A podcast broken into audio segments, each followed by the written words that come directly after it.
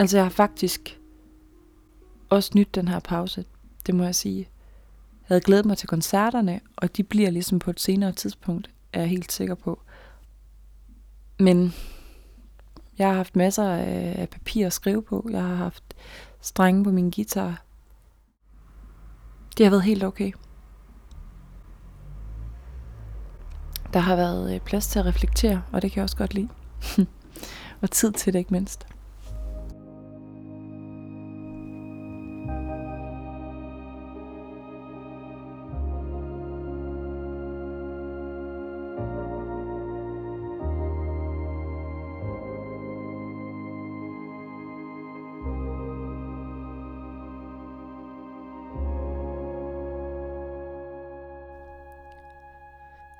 2020.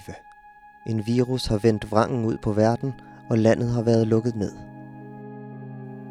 I behørig sikkerhedsafstand bliver du nu inviteret indenfor i arbejdsværelset hos sanger og sangskriver Karen Kovsgaard. Fra sin lejlighed med udsigt til et coronaramt København fortæller sangerinden om at være lukket inde som kunstner. Ikke kun i karantænens klaustrofobiske rum, men også i kunstens kreative. Jeg hedder Mark Fakini, og du lytter til Kunstner i karantæne, en podcast om sangskrivning.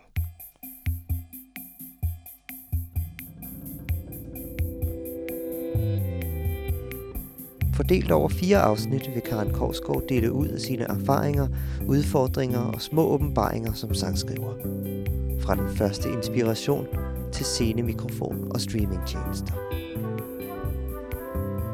Karen udsendte i 2016 sit debutalbum Pretty If You Dare, og er lige nu aktuel med singler fra sit kommende album Odd and Honest. Undervejs i denne podcast serie vil Karen invitere en gæst eller to indenfor i sin stue, men isolationen tro sker al kontakt gennem en gammel iPhone 5S. Ellers er hun helt og aldeles isoleret med sine egne tanker i denne episode med tanker om sangskrivning. Velkommen indenfor.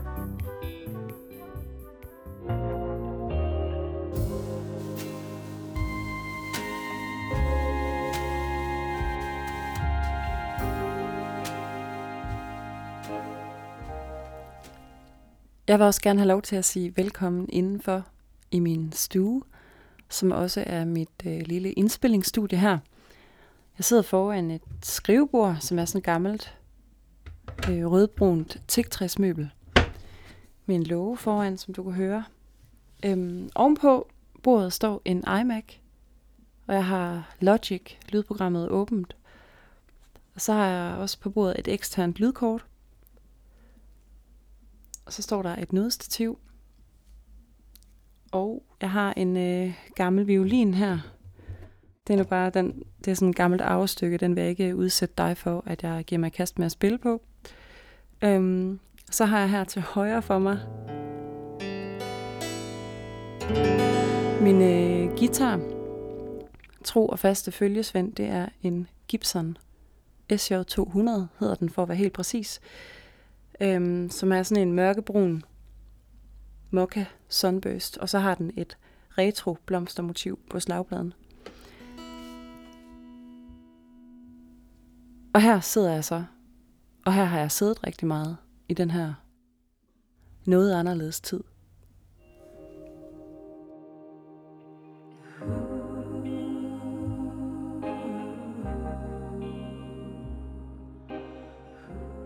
Hvad kommer der til at ske i den her podcast? Jamen i virkeligheden så er jeg mindst lige så spændt på det, som du måske er. Øhm, jeg har aldrig lavet en podcast før, og det er en af de ting ved projektet, jeg synes, der er allermest spændende. Jeg elsker at kaste mig ud i nye ting.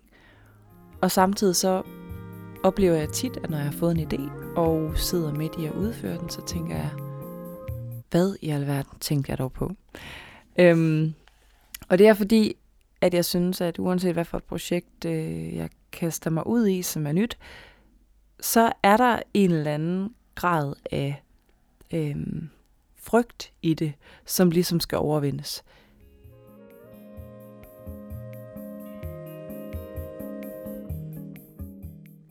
Jeg var ude og spille en koncert den 9. marts, så lukkede det hele ned den 11. marts. Og jeg stod ellers over for en øh, turné. Og det var fuldstændig det var fuldstændig ude af mine hænder. Jeg kunne ikke, jeg kunne ikke gøre noget som helst ved det. Øhm, jeg fik en form for pause foræret, som så mange andre. Selvfølgelig en pause, som var... Øhm, altså, der var jo en enorm trykket stemning. Det var underligt. Når jeg kiggede ud af vinduerne, så var der meget tomt på gaden. Og det var, jeg kan huske, det var sådan en følelse af, hvad skal der ske? Hvad kommer der til at ske? Og hvornår kommer der til at ske noget? Jeg følte mig samtidig ret øh, taknemmelig og privilegeret over at, at kunne skrive sange og sidde og få den pause til det, kan man sige. Øhm, et af de steder, hvor jeg har mærket undtagelsestilstanden øh, rigtig meget, det har været, at øh, min gode ven og producer Neil har siddet fanget i New York. Han er heldigvis kommet tilbage igen, men det var, det var virkelig et helt andet verdensbillede, øhm, når jeg talte med ham.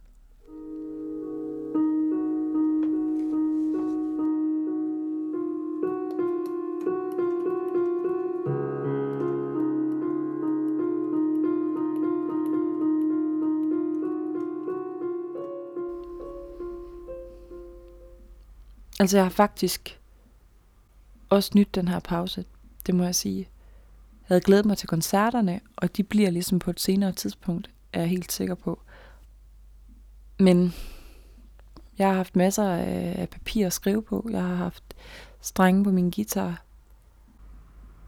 Det har været helt okay. Der har været øh, plads til at reflektere, og det kan jeg også godt lide. og tid til det ikke mindst.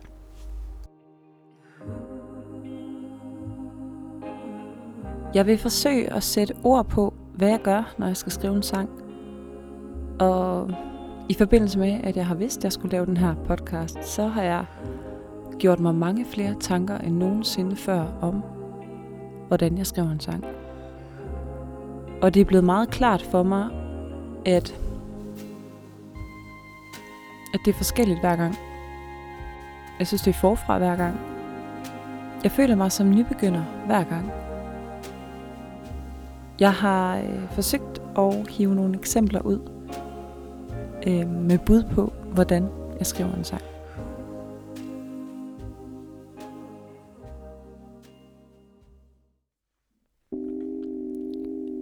Jeg vidste ikke, hvor jeg skulle starte. Så jeg startede bare et sted. Og det gik og afsted til at starte med. Men så gik det galt og jeg led.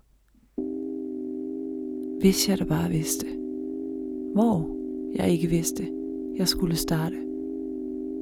Og havde jeg da bare ikke vidst, at begyndelser ikke er for sarte.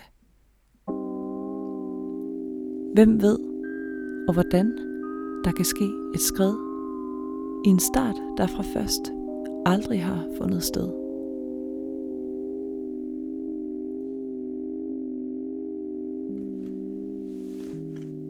Det første eksempel, jeg har hævet frem her, det er et digt, jeg har fundet i en af mine mange notesbøger.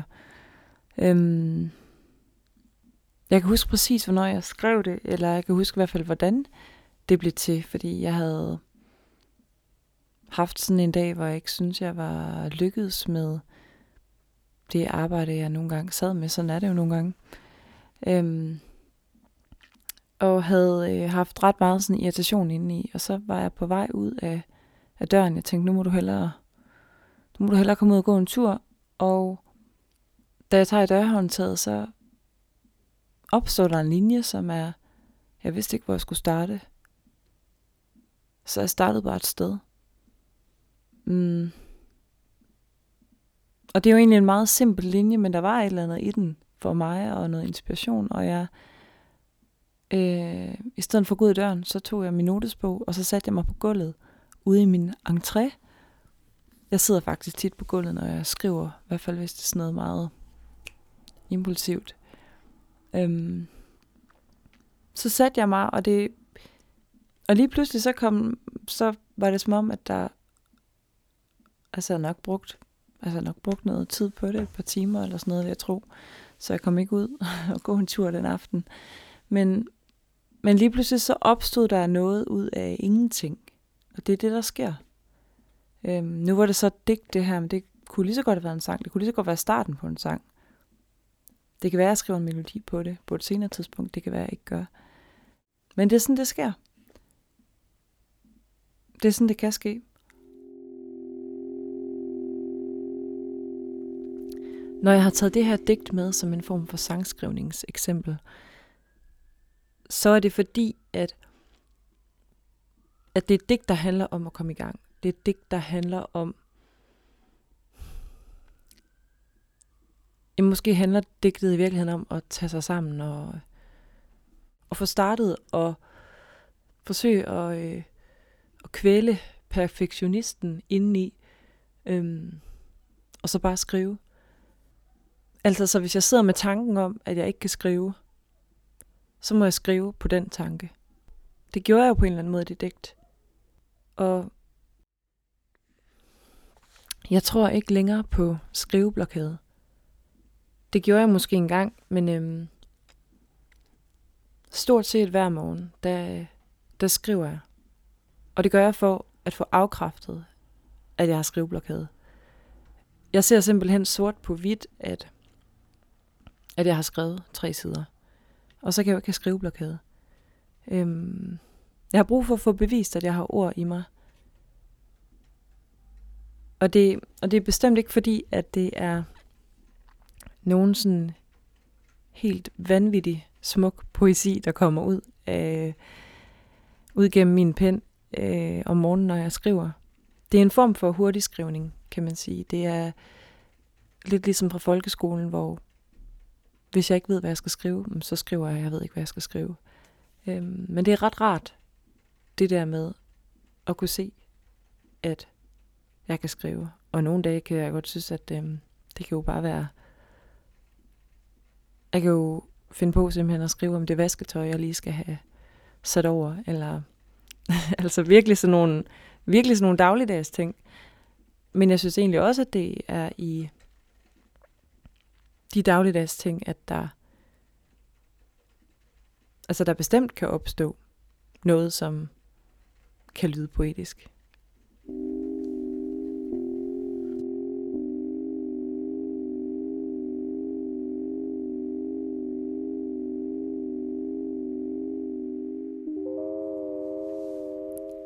Det, der er det allerfedeste ved sangskrivning, og det, der er det allermest frustrerende ved sangskrivning, det er, at der er uendelige muligheder. Øhm. Så hvordan får jeg alle de her muligheder, der er, ned gennem en eller anden form for trakt, og så ud som en sang? Øhm. det er i virkeligheden også det, der er så øh, skidesvært ved det her liv, ikke? At når alt er muligt, jamen hvad skal, hvad skal jeg så? Hvad skal jeg så gøre? Altså, og hvordan ved jeg, at jeg vælger rigtigt, og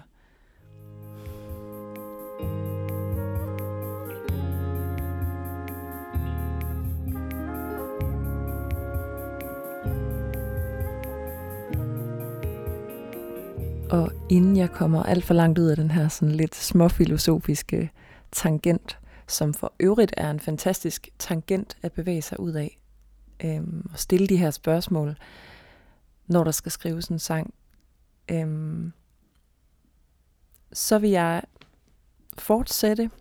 Øhm, nu har du hørt lidt om begyndelsen, hvordan det lige pludselig kan ske, at der opstår noget, øhm, som føles, som om det opstår ud af ingenting, selvom jeg egentlig altid tror, at det udspringer af noget.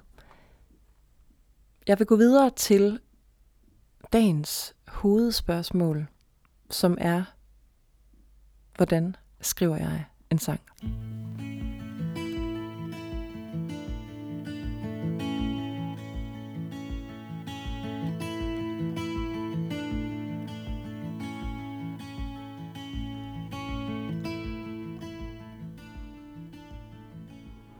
Ja, hvad gør jeg, når jeg skal skrive en sang?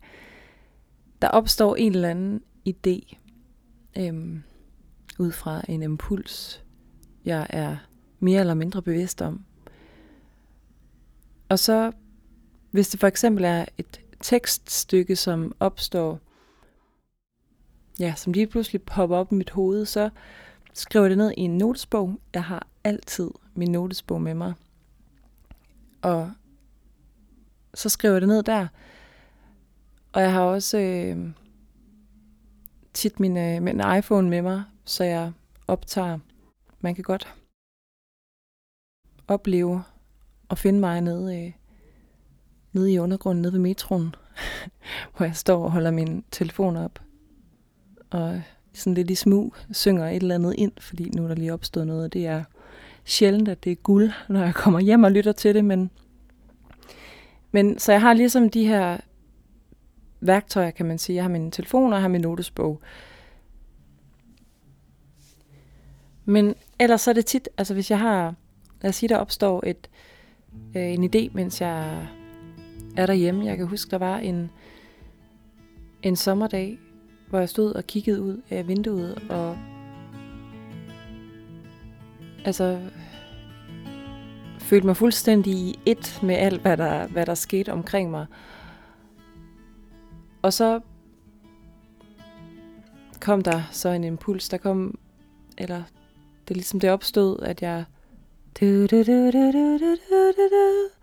og det vil sige, at jeg nynnede det inde i mit hoved i første omgang. Og, og så tænkte jeg sådan, up and up and up and up we go. Altså, så det, melodien kommer nogle gange ind i hovedet først. Noget af den i hvert fald. Og så, og så synger jeg den for at høre, hvordan lyder det. Hvordan lyder det, når jeg tager den ud af mit hoved. og så, øh, og så var jeg jo heldigvis derhjemme, og så tog jeg min, så tog jeg min, min guitar. Jeg kan lige prøve at tage den her. Øh,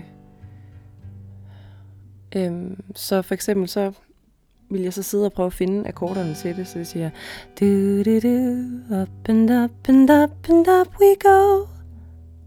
Da, da, da, da, da, da. Og så er det ligesom, føler jeg, min opgave at, at lytte mig frem til, hvor vil den her melodi gerne hen, eller hvor er den her melodi, fordi jeg synes faktisk, at det i høj grad, altså mange sange, der føles det altså som om, at de eksisterer i forvejen, men er nogen, jeg er så heldig at, at få lov til at finde. Øhm, så hvor vil den her sang hen, eller hvordan er den her sang? Det er ligesom, føler jeg ligesom er min opgave, når det nu er mig, der har fået den her pul- impuls foræret. Øh, så når jeg spiller Up and up and up and up we go, du, du, du, du, du, du. Så hvis det der melodien vil hen, så er det ikke sikkert, at hele teksten følger med. Sådan er det sjældent. Men efterhånden, som jeg sporer mig ind på, hvor melodien vil hen, så indimellem, så er der nogle ord, der opstår og ligesom hæfter sig nogle steder i melodien. Øhm, og det er derfor, jeg så både skriver det ned, men også optager det.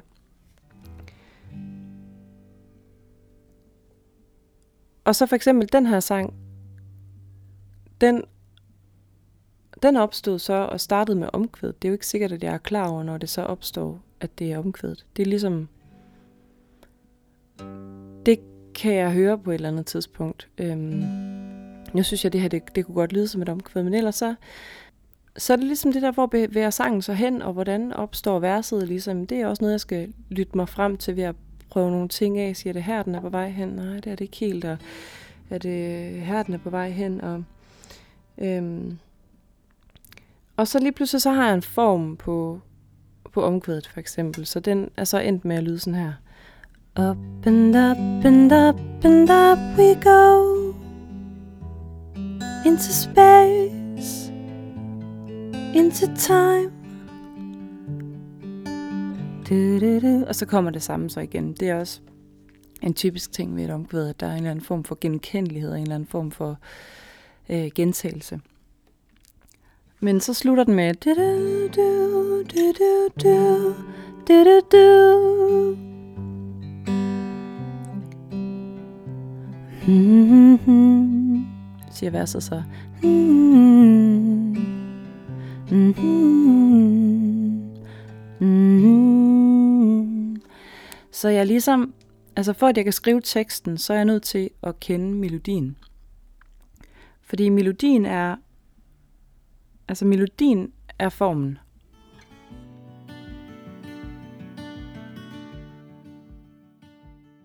Så når jeg har formen på sangen, kender melodien, så kan jeg pusle de her ord sammen. Og som sagt, så er der nogle ord hister her, som ligesom er opstået hver gang jeg er kommet til det sted, et bestemt sted i sangen, og som jeg så også har skrevet ned. Men når jeg har melodien, så ved jeg også, hvor mange stavelser der skal være i hver linje, og det kan være, at der er nogle af de ord, der har hæftet sig nogle bestemte steder i melodien, som rimer. Og, så, og det hjælper, og det er en stor hjælp, fordi så det er også allerede langt at være i forhold til, til formen og teksten, at hvis der er to linjer, der, der rimer i, altså lad os sige et første og anden linje i et vers rimer, jamen så er det det, jeg, jeg går med, altså kontinuerligt i, i resten af versene, for ligesom, der er egentlig meget konsekvent, føler jeg, at holde den struktur. Fordi det også skaber en eller anden form for orden, når jeg lytter til det.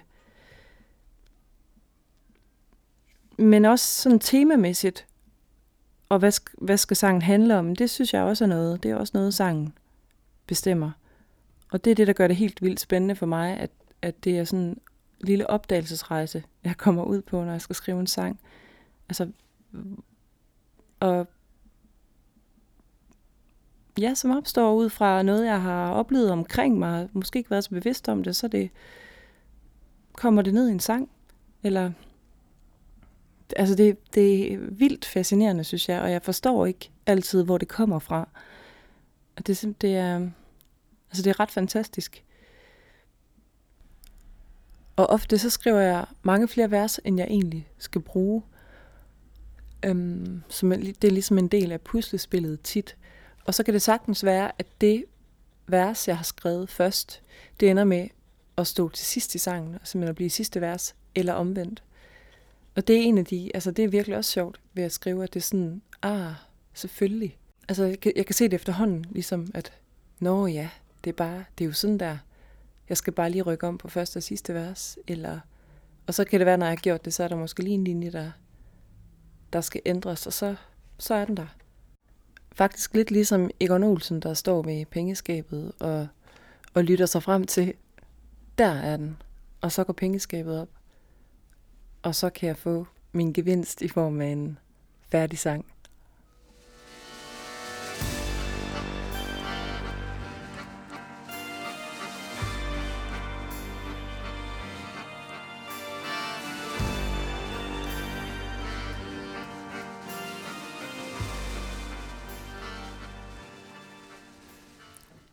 Guitar er ligesom mit primære instrument, både når jeg skriver sange, og også når jeg er ude og spille koncerter.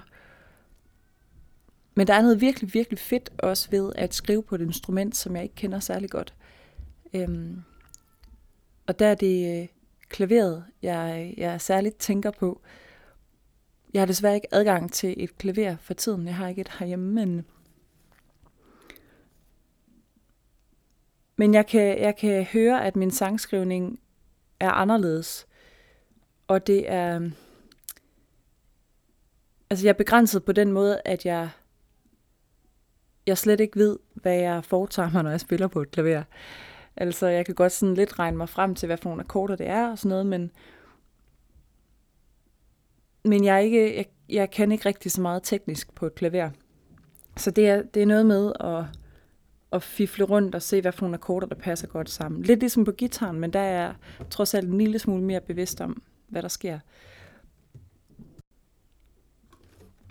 Jeg har i hvert fald tre sange fra mit første album, Pretty If You Dare, som, er, som jeg har skrevet på klaver. Den ene det er en sang, der hedder Get Another Girl. Og så har jeg skrevet en sang, der hedder Party On, også på klaver. Og så øh, en sang, der hedder My Alien, hvor jeg kan huske, at jeg, at jeg spillede en akkordrundgang, og jeg har faktisk fundet en, en af de der gamle memoer, som jeg optager så mange af på min iPhone undervejs. Så jeg har fundet en gammel memo af, hvor jeg sidder øh, og komponerer. Så den vil jeg lige afspille her. By my grandma's piano, I'm live. I can sit on my own, I have time. Do you hide, do you hide to be found? Did you know not all ivory is white? Og verset her, som jeg lige spillede et lille stykke af, det er bygget over fire akkorder, som jeg så ligesom har siddet og fundet frem til på klaveret. Og der tror jeg, nu har jeg lige taget gitaren her igen, øhm, og der tror jeg egentlig, at det måske er den, det basgangen, som ligesom har skubbet melodien i gang. Øhm, den siger nemlig sådan her. Eller jeg kan pensle det endnu mere ud, sådan her.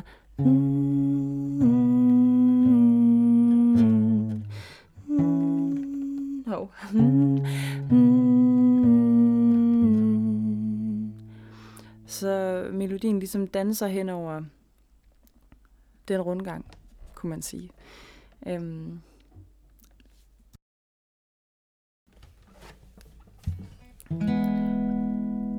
Og så siger omkvædet, eller nogen vil kalde det for en bro, det kommer lidt an på, hvordan man ser på det.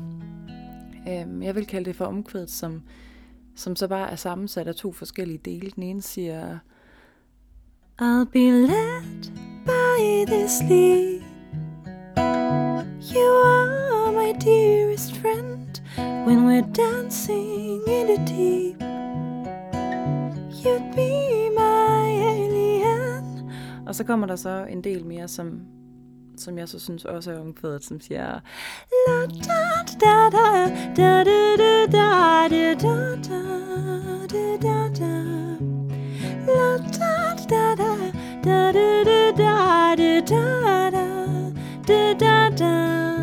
Take off your mask. Og så er vi så tilbage her til verset.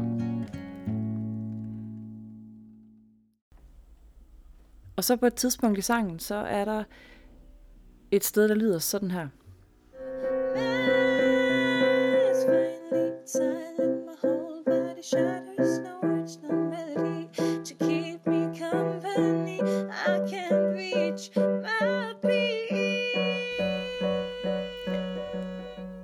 Og hvis jeg skal være helt ærlig, så tror jeg egentlig nok, at dengang jeg sad og skrev det her stykke, som man kunne kalde for et C-stykke, øhm, det er i hvert fald et stykke, der adskiller sig fra, fra vers og omkvæd, så tror jeg, at det i starten måske var tænkt lidt som en spøj, fordi det er sådan lidt, jeg synes, det er lidt gakket egentlig.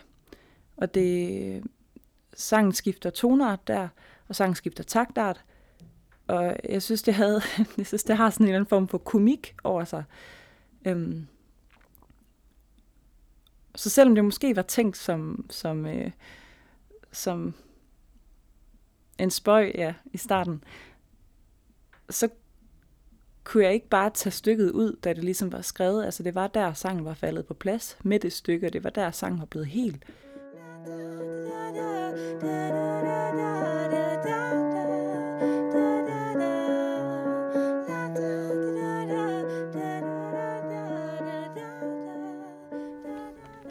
Jeg bestræber mig egentlig på, at, at sangskrivningen skal være sjovt, og jeg tror også, det der nogle gange er noget af det allerbedste opstår. Øhm. Og hvis du spurgte mig om, om alle mine heartbroken songs, de, øhm, de var sjove at skrive, så er svaret ikke endegyldigt ja. Men der har været en eller anden form for... Altså, der er altid en eller anden form for leg i sangskrivning.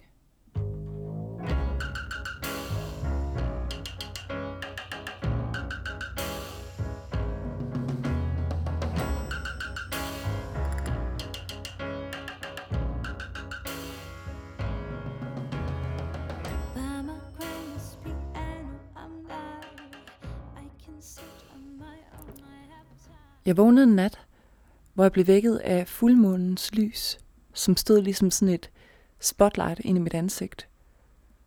Og jeg var meget forkølet, og jeg er sådan lidt småsyg, og jeg tænkte, oh, lad mig dog sove. Øhm, og det er egentlig ikke, fordi jeg så tit vågner om natten og skriver ting ned. Men den her nat gjorde jeg, fordi jeg kiggede op på månen og sådan knip øjnene sammen.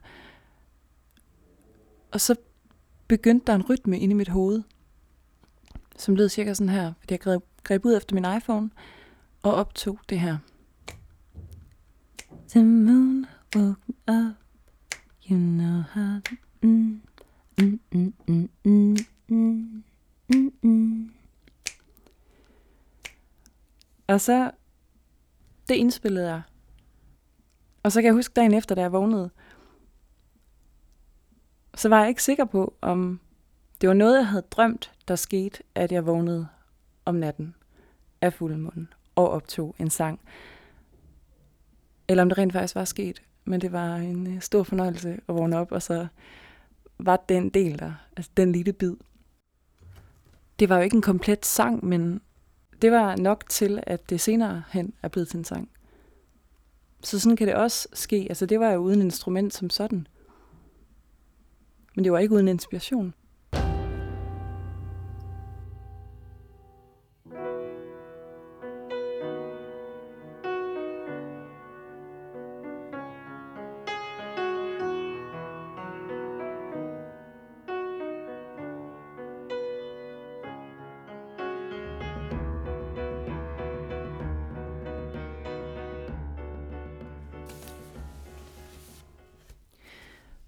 Forud for den her podcast, der har jeg opfordret dig til at sende mig nogle spørgsmål.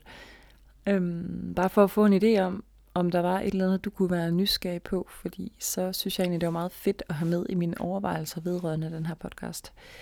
Øhm, og jeg har fået nogle spørgsmål, så det vil jeg lige starte med at sige øh, mange tak for, og nogle virkelig gode spørgsmål. Og det første spørgsmål, det sidder jeg med lige her. Det kommer fra Trine, som har skrevet sådan her. Jeg vil gerne høre, hvad du gør for hele tiden at udvikle og udfordre dig selv som sangskriver. Giver du dig selv benspænd? Forsøger du at finde ny inspiration nye steder? Eller nogle helt andre ting? Jeg kaster mig selv ud i alle mulige ting. For eksempel øh, synes jeg, at det her, det her projekt med at lave en podcast er virkelig udfordrende. Meget nyt for mig. Det er første gang, jeg sidder og optager noget hjemme hos mig selv, som jeg selv skal sende ud i etteren. Så det er faktisk rimelig angstprovokerende og øh, virkelig, virkelig øh, lærerigt. Øhm, så noget af det, jeg i hvert fald gør altid, det er, at jeg kaster mod i nye ting. Øhm, så jeg lærer en masse. Jeg forsøger altid at finde ny inspiration, i hvert fald.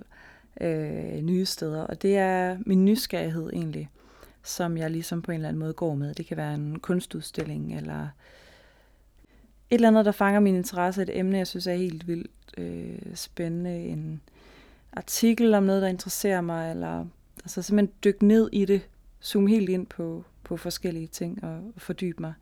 Øh, det er måden, synes jeg. Øh, benspænd giver jeg nok i virkeligheden mig selv alt for få af, i hvert fald øh, sådan ikke så bevidst om de gange, tror jeg, jeg giver mig selv benspænd, men så alligevel, for eksempel hvis jeg skriver en sang på klaver, som jeg nævnte her før. Så når jeg først sidder ved klaveret, hvis det er der sangen er startet, så gør jeg sangen færdig på klaver. Fordi at det er ligesom der, den på en eller anden måde bliver født. Og så, ja, så giver det mening for mig. Så det er, det er en form for benspænd, at okay, men så er det en klaversang, den her. Det er i hvert fald der, den er født. I produktionen kan den tages alle mulige andre steder hen, men det er en helt anden snak. Øhm. Og så tror jeg, at i virkeligheden det her spørgsmål faktisk øh, inspirerer mig lidt til at give mig selv flere benspænd, fordi jeg kunne jo prøve at skrive nogle flere sange, hvor jeg starter med teksten. Det tror jeg kunne være rigtig sjovt. Øhm, og det er ikke en måde, jeg har arbejdet så meget på faktisk, fordi at det er meget naturligt for mig på den anden måde. Så det kunne faktisk være meget sjovt at udfordre mig selv på den måde. Det tror jeg, jeg vil prøve videre hen. Det kommer der garanteret nogle andre sange ud af. Så det håber jeg var svar på spørgsmålet. Og så næste spørgsmål her, det er fra Anna, en sangskriver, som skriver, i starten synes jeg, det var svært at skrive, fordi jeg ofte tager udgangspunkt i en aktuel følelse eller hændelse, men ikke havde lyst til at skrive om corona. Jeg endte med en julesang og to remixes, men måske havde der været andre muligheder. Fedt. jeg har hverken lavet remix eller julesang, men det synes jeg, der er en smadret god idé. Øhm, faktisk, da det lukkede ned, og jeg ligesom havde, havde en masse tid, hvor jeg ikke skulle spille de her koncerter, så valgte jeg at tage en del fri, altså men forsøge at gå lidt i feriemode, fordi jeg tænkte, når det hele åbner op igen, jamen så skal jeg ud og spille en masse koncerter. Så tænkte jeg, det var et smart tidspunkt at holde lidt ferie på. Og i og med, at jeg så har, øh, har holdt lidt fri også, så, øh, så har jeg blandt andet fået set nogle, øh, nogle film. Og der var der faktisk en aften, jeg, jeg så en film, som en Lars von Trier film, kan jeg afsløre, som, som virkelig inspirerede mig, og jeg endte faktisk med at sidde og skrive og trykke pause flere gange undervejs, og så bare sidde og skrive på den stemning øh, og følelse, jeg havde inde i mig. Øhm, men jeg har ikke som sådan opsøgt heller at skrive om, om corona på nogen måde. Jeg har også, det har jeg faktisk også synes var, var lidt... Øh, det var ikke super inspirerende for mig at skrive om. Øhm, jeg har øh, forsøgt at se, hvor, hvor meget jeg kunne bevare optimismen. Øhm, ja, så det er, det er nok mere faktisk af det der med at holde fri indimellem og i pauserne, at der er opstået ting. Men der er faktisk opstået, opstået ret meget, men jeg har ikke sådan tænkt, nu sætter jeg mig ned og skriver et corona-album. Det, øh, det kommer ikke. Og så har jeg et spørgsmål her. Det er Rasmus, der skriver, Hvordan ved du, at en sang er, som den skal være? Og det ved jeg i virkeligheden heller ikke. Altså i virkeligheden kunne jeg, kunne jeg blive ved. Men det er, det er min intuition. Altså det er, en, det er en følelse. Og når jeg har en følelse af, at, at sangen er helt støbt på en eller anden måde, og ja, vil sige noget, giver en, skaber en stemning, øh, når jeg, når jeg føler, at jeg har fundet sangen, så kan jeg mærke, at den er, som den skal være. Så det er en beslutning, jeg træffer ud fra min intuition. Og så er det jo en beslutning, jeg, jeg tager om, at, det, at, at nu er sangen, som den skal være, fordi jeg, jeg selv føler, at, at der er nogle linjer, der giver mig noget. Det er også derfor, at jeg kan godt lide at skrive nogle ting ned, og så få det lidt på afstand, og så se det noget tid efter, fordi at hvis det stadig siger mig noget der, så det er en følelse af, at, at det er rigtigt. Og nu er vi simpelthen kommet til øh, vejs ende i øh, podcast-seriens første afsnit. Jeg vil sige mange tak, fordi du lyttede med. Det har været en fornøjelse at tale til dig, og jeg håber, at du er nysgerrig nok til at følge med igen i næste afsnit. Og øhm, jeg vil da lige komme med en lille opfordring, hvis du nu bare synes, at øh, sangskrivning er det mest interessante i hele verden. Øh, og det kan jeg godt forstå, hvis du gør. Så har Mark Fagini, som har været så sød og sige ja til at indspille det her Intro Autospeak podcasten, han har faktisk lavet en virkelig god podcast, som handler lige præcis om sangskrivning, hvor han interviewer nogle øh, knivskarpe sangskrivere. Og den hedder Harpens Kraft, og den vil jeg bare lige øh, give en varm anbefaling. Og så vil jeg sige tak, fordi du lyttede med, og jeg håber, vi høres ved i næste afsnit. Hej. Du har lyttet til første afsnit af Kunstner i karantæne. I næste afsnit åbner Karen endnu en gang døren til sit sangskriverens maskinrum, hvor temaet vil være indspilning og produktion. Podcasten er blevet til med støtte fra Dansk Musikerforbund og Gramex. Tak fordi du lyttede med.